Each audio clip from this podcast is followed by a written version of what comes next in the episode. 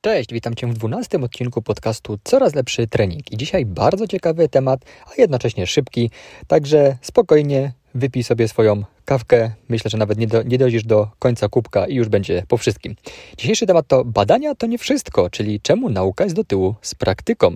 Albo parafrazując y, tytuł słynnego serialu komediowego polskiego, badania to nie wszystko, ale wszystko bez badań to no i każdy niech sobie dopowie. No dobrze, kto mnie zna, ten wie, że jestem fanem tak zwanego evidence-based fitness, czyli wiedzy treningowej popartej badaniami naukowymi. Jednak wiele razy już powtarzałem, że badania to nie wszystko. Dlaczego? Z kilku powodów. Po pierwsze, nie wszystko zostało zbadane. Po drugie, nie wszystko w ogóle da się zbadać. Po trzecie, na wyniki badań ma wpływ mnóstwo czynników, spośród których większości nie da się kontrolować. Po czwarte, wyniki badania to przeciętny wynik w grupie badawczej, ale nie obrazuje to indywidualnych wyników poszczególnych osób. Jednostce nic po statystykach. Serial komediowy Chorzy Doktorzy to raczej kiepskie źródło naukowe, ale stwierdzenie, które w nim usłyszałem, no, zapamiętałem do dziś, czyli jednostce nic po statystykach. Idealnym tego przykładem jest badanie z 2010 roku. Sprawdzono w nim efekt 9-tygodniowego planu treningowego, m.in. na przekrój poprzeczny mięśnia czworogłowego uda. Mięsień czworogłowy uda znajduje się z przodu uda i biegnie od przodu biodra aż do górnej części piszczeli. Jego przekrój poprzeczny to tak jakby ktoś ci przeciął udo poziomo i zmierzył powierzchnię po prostu tego mięśnia. Tak, tak porównując to, można powiedzieć tak, jakby ktoś przeciął drzewo, żeby policzyć słoje, coś w tym stylu. Średni odnotowany wynik w tym badaniu wynosił prawie plus 6%, czyli o tyle rozrósł się ten mięsień w trakcie trwania badania i stosowania protokołu treningowego. Jednak spośród 53 uczestników badania aż 8 osiągnęło wynik, 8 osiągnęło wynik powyżej 10%, a jeden z nich był nawet blisko wyniku plus 20%. W 9 tygodni, przypominam, to jest mega wynik. Z drugiej strony pięcioro uczestników zanotowało spadek przekroju poprzecznego mięśnia mimo prowadzonych przez 9 tygodni regularnych treningów oporowych. Najgorszy wynik to około minus 3%. No, niby nic, ale przecież nie ćwiczysz po to, żeby twoja siła i mięśnie malały, prawda? Co z tego wynika? Jeżeli realizujesz plan treningowy, który według badań powinien Ci zapewnić 5% wzrostu masy mięśniowej, a mimo największych starań przyrostów nie widać, po prostu zmień plan treningowy na inny. Ten najwyraźniej no nie jest dobrze dopasowany do Ciebie. Oczywiście zakładam, że przyłożyłeś się do planu żywieniowego oraz odpowiedniej regeneracji, a nie, że będziesz winił program treningowy, podczas gdy y, twój sen jest do kitu, raz chodzisz spać o drugiej, raz chodzisz spać o północy, w ogóle śpisz 5 godzin, bo przecież i coach w internecie powiedział, że sen jest dla słabych, a do tego y, chcesz budować masę mięśniową, a jesz tyle co wróbelek. No to sorry, ale nic z tego nie będzie. Najwięcej badań jest robionych na studentach. Musisz wziąć pod uwagę, że badania najczęściej prowadzone są na osobach młodych, niewytrenowanych lub o krótkim stażu treningowym i najczęściej są prowadzone przez 6 do 12 tygodni. Dlaczego? Ponieważ najczęściej uczestnikami badań są studenci, więc badanie nie może trwać dłużej niż semestr akademicki. No później studenci wyjeżdżają na przerwy świąteczne, wakacyjne albo mają sesje i egzaminy. I dlaczego tak jest? No bo najczęściej badania naukowe są prowadzone gdzie? No na uczelniach. Jeżeli załóżmy, doktor czy profesor prowadzą badania naukowe, to skąd najłatwiej i najtaniej jest im wziąć uczestników? No, najłatwiej jest po prostu wziąć z grup, które mają na swoich zajęciach. Powiedzieć, że słuchajcie, kto przyjdzie i dokończy, rozpocznie i dokończy badanie, ten dostanie piątkę, czy jako częściową ocenę, czy na koniec nawet, no to wiadomo, że wszyscy się zgłoszą. No dobrze, mało jest badań na osobach w średnim wieku, czyli takich powiedzmy 30 do 50 lat mniej więcej. Mało jest badań na kobietach. Na szczęście nauka coraz więcej tych badań na kobietach robi, ale jednak wciąż proporcje pomiędzy badaniami na mężczyznach a badaniami na kobietach, jeżeli chodzi o sport zwłaszcza, no to no, ciągle wypadają te proporcje słabo. No i też brakuje badań na najbardziej doświadczonych ćwiczących, w tym profesjonalnych zawodników. Praktycznie żaden zawodnik no, nie zgodzi się po prostu na to, żeby mógł kombinować z treningami czy dietą, kiedy on szykuje się do zawodów. Owszem, niektórzy godzą się na to, żeby ich obserwować w tym czasie, no i na przykład pobierać próbki krwi do badań, czy sprawdzać skład ciała, no ale nic więcej. Na przykład, no niemożliwym wręcz jest przeprowadzenie badania nad jakimś eksperymentalnym protokołem manipulowania wodą, przed startem u zawodowych kulturystów, no bo raczej żaden nie zgodzi się, by oddać ostatnie szlify swojej sylwetki, od czego może zależeć, czy on wygra te zawody, czy w ogóle nie wejdzie do finału, no nie odda tego w ręce naukowców, tak? Zwłaszcza jeżeli ma swoje sprawdzone metody.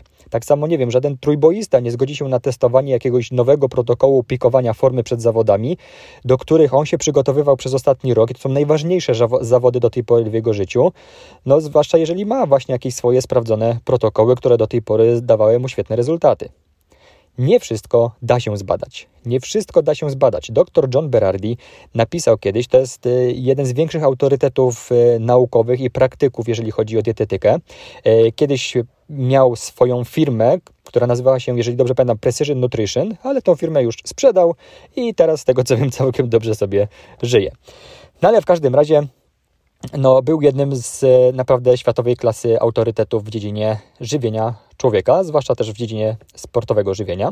No i on kiedyś napisał, że aby w pełni zrozumieć różne aspekty związane z żywieniem człowieka, on potrzebowałby badania, które będzie trwało 50 lat, zostanie przeprowadzone na kilkuset tysiącach ludzi i będzie się odbywało cały czas w komorze metabolicznej. To jest takie pomieszczenie, gdzie non-stop jest badane, jakby Twoje wydatki energetyczne są badane i procesy, które zachodzą w Twoim ciele.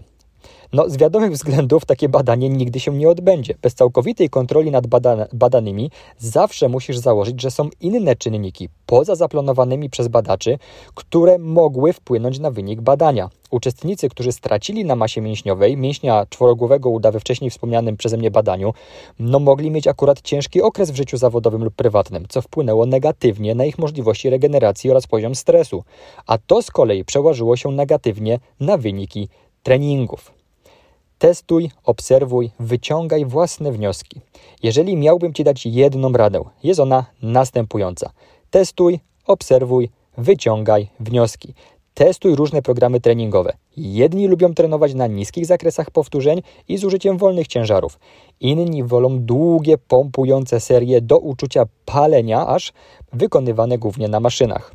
Testuj różne systemy żywieniowe. Jedni nie wyobrażają sobie nie zacząć dnia od śniadania, a inni nie lubią jeść od razu po przebudzeniu. I w tej grupie jestem na przykład ja. Ja potrzebuję kilku godzin odstępu po przebudzeniu, bo po prostu jest mi wtedy niedobrze. Źle, źle, się, źle się czuję, kiedy zjem, nie wiem, jakoś szybko po, po wstaniu.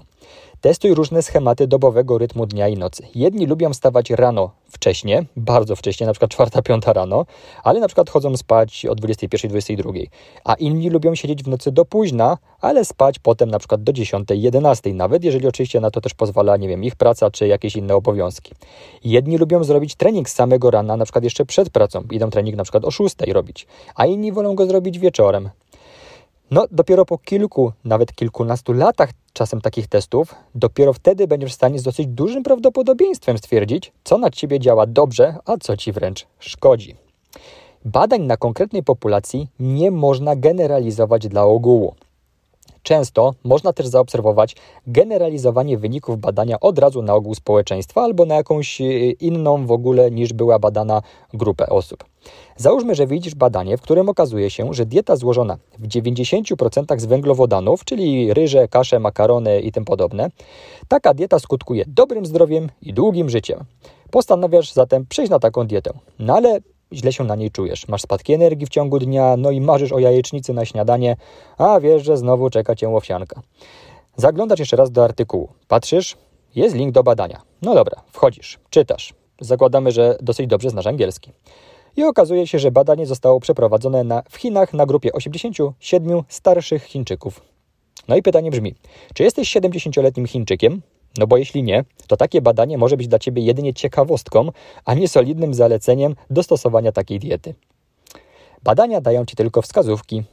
Badania dają Ci tylko, no i aż wskazówki, ale ciągle są to ogólne zalecenia, co może na ciebie działać, ale to nie są jedyne słuszne rekomendacje i na pewno nie dla każdego. Pamiętaj, żeby oprócz czytania badań słuchać też doświadczonych ekspertów w danej dziedzinie. Ci najlepsi zazwyczaj już od paru lat wiedzą, bo sprawdzili na sobie i swoich podopiecznych to, co badania udowodnią dopiero za jakiś czas. Świętej pamięci Charles Poliquin, uważany za jednego z najlepszych trenerów w historii, trenował wielu olimpijczyków. I Charles podkreślał, że gdyby miał czekać, aż jego metody treningowe zostaną sprawdzone w badaniach, no to zmarnowałby mnóstwo talentów. Podkreślę na koniec, że ja w żaden sposób nie neguję nauki. Badania są ważne, bo dają ci pewien punkt wyjścia, pozwalają ci zrozumieć mechanizmy i procesy, jakie zachodzą w twoim ciele. Dają ci wskazówki, że takie i takie metody treningowe prawdopodobnie będą dla ciebie skuteczne, a na takie czy takie nie warto tracić czasu, że takie i takie suplementy działają i są skuteczne, a na takie nie warto przeznaczać pieniędzy. Jednak ostatecznie najważniejszym dla ciebie badaniem jest to, które przeprowadzasz na samym sobie czyli badanie z liczbą uczestników n równe 1, gdzie tą jedynką jesteś ty. To tyle na dzisiaj. Dzięki wielkie za Twoją uwagę. Daj znać, czy to gdzieś w komentarzu, gdzie zobaczysz e, link do tego podcastu, e, albo w wiadomości prywatnej do mnie. Daj znać, czy Ty się zgadzasz z tym, co tutaj powiedziałem. Bardzo jestem ciekaw Twojego zdania. Odpowiem na pewno na każdą wiadomość. A tymczasem do usłyszenia w kolejnym odcinku podcastu Coraz Lepszy Trening. Trzymaj się, cześć!